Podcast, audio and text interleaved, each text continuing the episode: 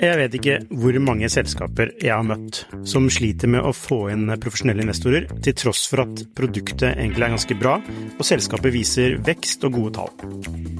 Hvis det er én ting de proffe investorene er på utkikk etter, i tillegg til at du bygger et bra selskap, selvfølgelig, er hvordan du håndterer dine aksjonærer, eller ditt såkalte captable, som det heter på startupsk. Et ødelagt captable setter rett og slett en stopper for selskapsutvikling. Unlisted.ai gjør det mulig for selskaper å håndtere aksje- og opsjonsprogrammer, aksjeeierboken, captable og det meste av rettigheter inn mot aksjene i selskapet på ett sted. Prøv unlisted.ai sin gratulasjon i dag. Hei, dette er episode fire i serien Ta bedre beslutninger med psykolog og forfatter Jan Ole Hesselberg. Forrige episode handlet om gruppebeslutninger og hvordan optimere for dem. Hvis du ikke har hørt den, eller de foregående episodene, anbefaler jeg deg å lytte til dem først. Denne episoden handler om hvordan de beste beslutterne tar beslutninger. Ja, de kalles eh, faktisk for superforecasters, og det er en greie.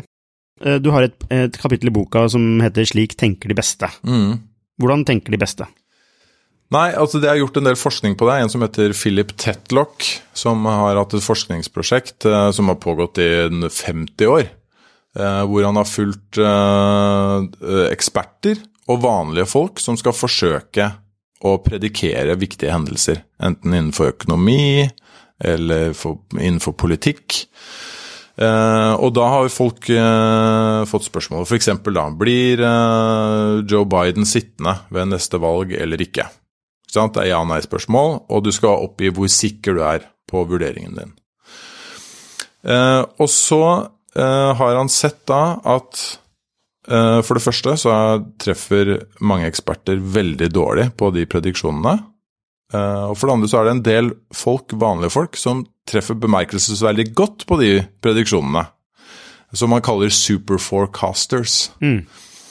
Er det en liten wisdom of the crowd? Eh, nei, eh, det er det ikke.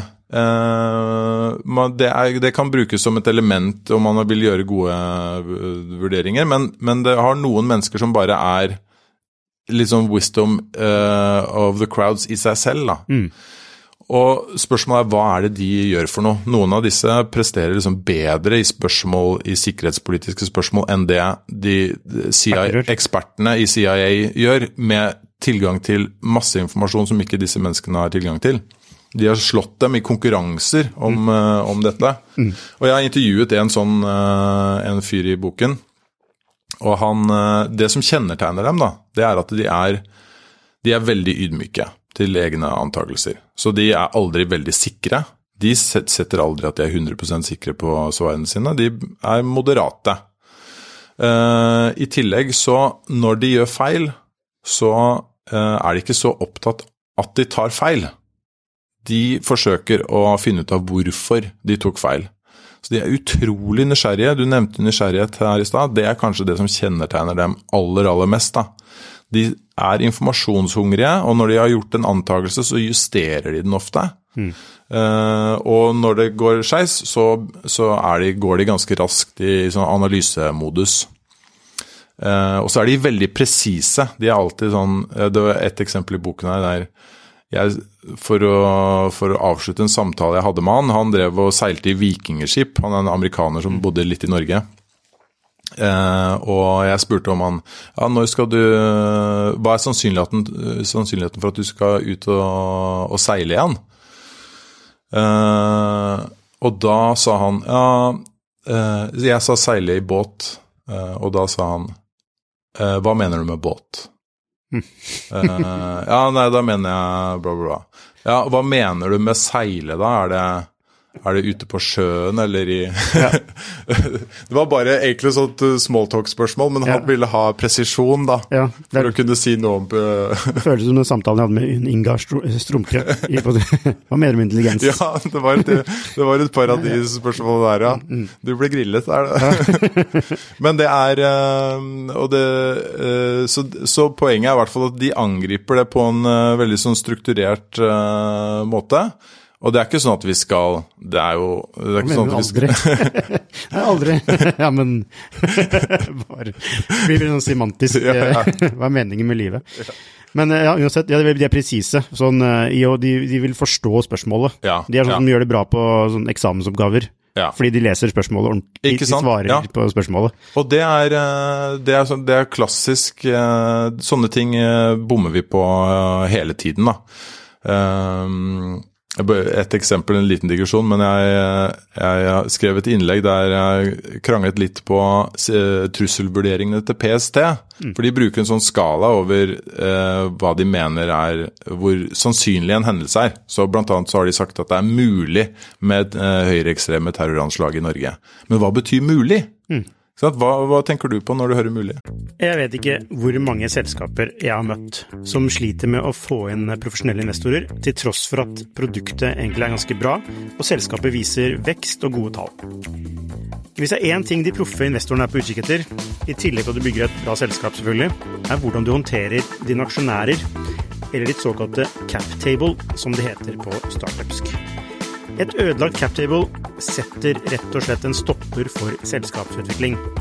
Unlisted.ai gjør det mulig for selskaper å håndtere aksje- og opsjonsprogrammer, aksjeeierboken, captable og det meste av rettigheter inn mot aksjene i selskapet på ett sted. Prøv unlisted.ai sin gratisversjon i dag.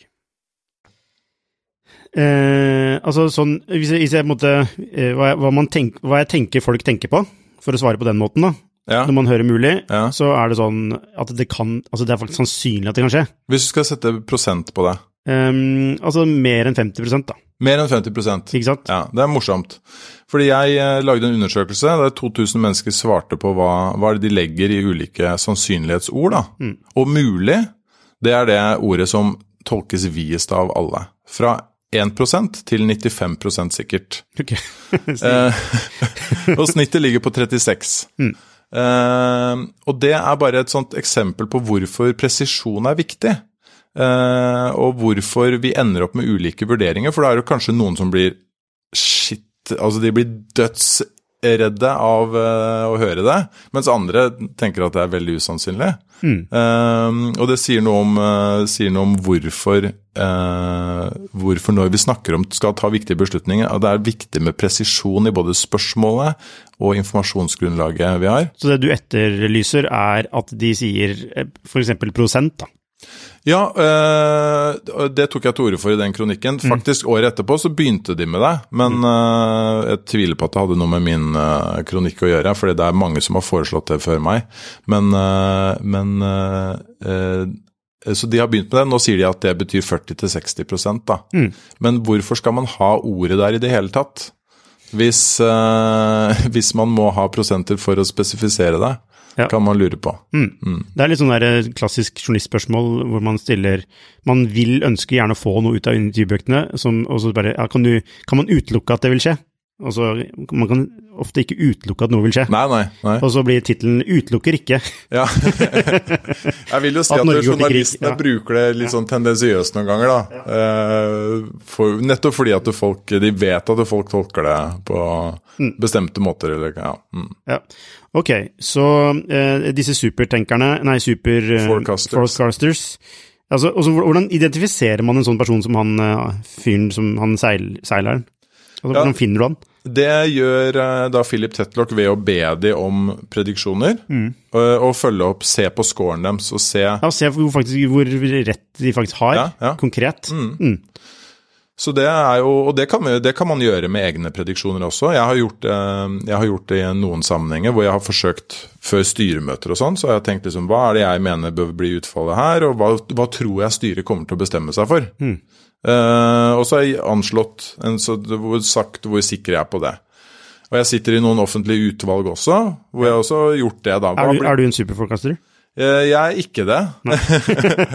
Men det som er interessant nå, er er å se, altså bare få et innblikk i hvor, hvor uh, upresise man er, hvor dårlig man er til å egentlig forutse det. Altså, mitt eget styre i stiftelsen, jeg kjenner det jo kjempegodt. Eh, Likevel så er jeg eh, ikke spesielt treffsikker i å vurdere hva utfallet av de, hva sakene blir, da. Eh, Så eh, Men blir du bedre på beslutninger ved å trene på dette? Du, eh, det, det kan du bli. Kan du bli? Ja, Absolutt. kan bli? Hva, hvor mye prosent er det? Nei, Du må jo angripe det på rett måte. da. Hvis, Ja. du, hvis du hele tiden uh, tar liksom alle treffene dine som, uh, som en genierklæring. uh, ikke sant? At du får, Hvis du treffer, så tenker du at det var bare pga. mine fantastiske vurderinger, og så bortforklarer du de, bommene, de bommene du har. Da lærer du jo ingenting av det. Nei. Men det, han som eh, jeg intervjuer i den boken, han eh, angrep det på en systematisk måte. Var veldig dårlig, ble, eh, ble mye bedre. Altså, Er sånne folk som er veldig rike, fordi bare de vet hva de skal eh, Det, eh, det tviler jeg på, fordi at det er så mye randomness, da. Eh, så det er jo stor usikkerhet uansett. Eh, men jeg vet at angivelig så, så Du kan leie inn disse folkene, da. Kan du det? Ja, ja. Eh, De er organisert i en gruppe, og eh, angivelig så var de for dyre for det norske forsvaret. Men eh, Så du kan leie det inn, ja. De har altså, hvor har de, altså, er de sånn, har de fått en sånn klassifisering, da? På at de er super forecasters Ja, det fra er, DNV? Ja det, det, tror jeg, det tror jeg ikke de er. Men eh, de, er, eh, de deltar i konkurranser. Um, og så, så det som skjer, er at uh, han Philip Tetlock har, har jo sammen med noen andre også laget et liksom, system for å innhente de prediksjonene, for å se hvor godt de treffer. Og, så, eh, og det de ofte gjør, er at de slår sammen vurderingene til flere av disse superforecasterne. Eh, og så har de en algoritme for å justere det også. Så et eksempel er f.eks. hvis du har hvis du har tre sikkerhetseksperter som forteller at det er 60% sannsynlig at det blir et terroranslag, så er det ikke sikkert at du skal bare bruke, siden alle sammen lander på 60% at du skal bruke 60% fordi hvis de har ulike grunner for hvorfor de lander på at det er en sannsynlighet for det, så betyr det jo egentlig at kanskje du bør oppjustere litt. Mm. At det bør være mer enn Det er 60 egentlig mer robust eh, samlet vurdering, fordi det er flere parametere som danner grunnlag for uh, antakelsen. Ja, ikke sant? Så hvis uh, hver og en har tre grunner til at det bør være 60 Mm. Så er det ni Eh, grunner, da. og de er ulike, så er det ni grunner, og da bør du oppjustere. Så, så det er også en sånn, det er en sånn tweak man ofte kan gjøre eh, hvis man skal, eh, skal ta beslutninger. At hvis, hvis ulike mennesker lander på samme konklusjon, men av ulike årsaker, da bør man eh, gi større tyngde til den konklusjonen. Nettopp. Ok, Eh, vi skal avslutte med disse syv stegene til en bedre beslutning. ja. Eh, Det første steget er å beregne din VT-score, altså viktighet og tid. Hei sann, Lukas her. Neste uke er siste episoden i serien om beslutninger, og da presenterer Jan Ole Hesselberg sine syv steg for å ta gode beslutninger, pluss en rekke andre tips, så kom tilbake neste uke.